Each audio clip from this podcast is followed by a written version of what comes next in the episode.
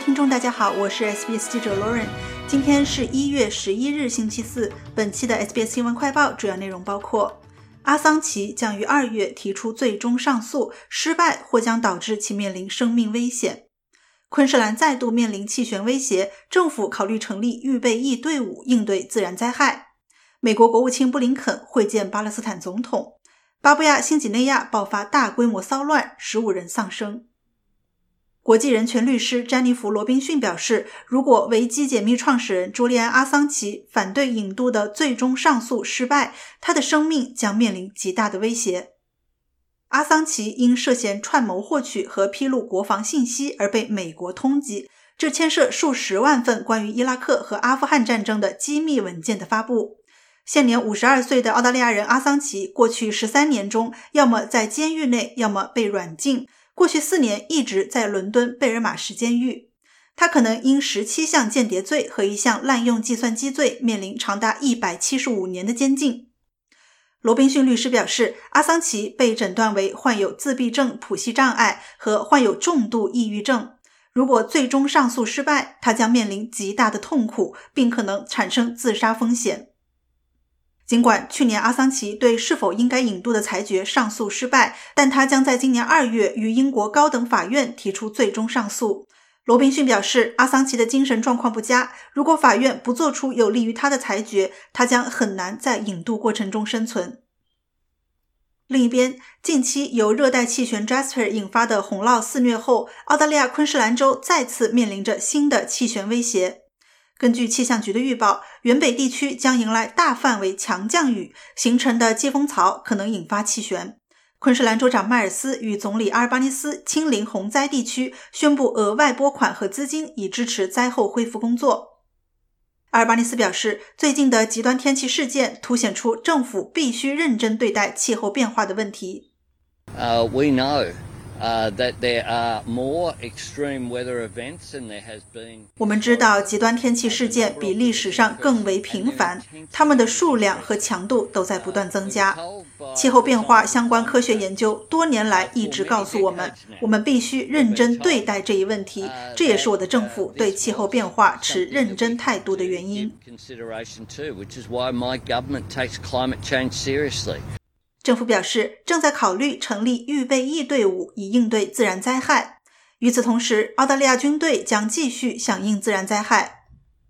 澳大利亚国防军人员和陆军重型直升机已在本月投入远北昆士兰，协助进行灾后重建和撤离工作，以缓解当前热带气旋 Jasper 带来的破坏。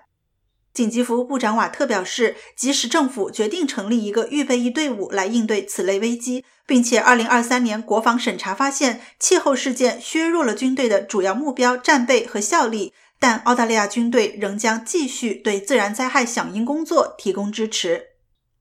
澳大利亚战略政策研究所高级分析师科英表示，成立预备役队伍的想法是合理的，鉴于澳大利亚长期以来一直有着志愿服务的传统。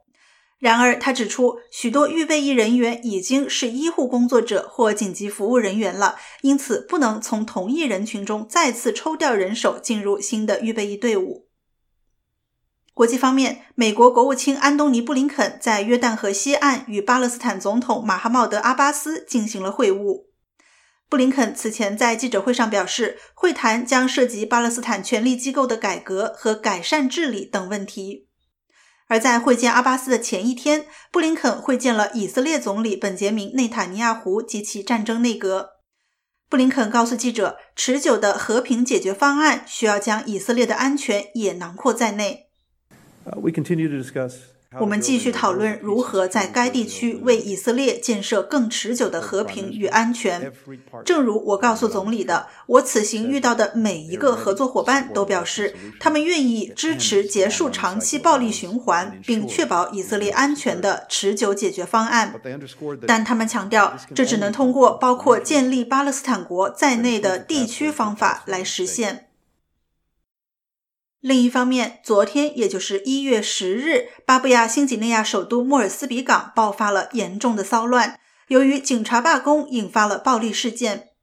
据悉，至少有十五人在这场动荡中丧生。抢劫和纵火现象严重，一夜之间，仓库被烧毁，市区陷入混乱。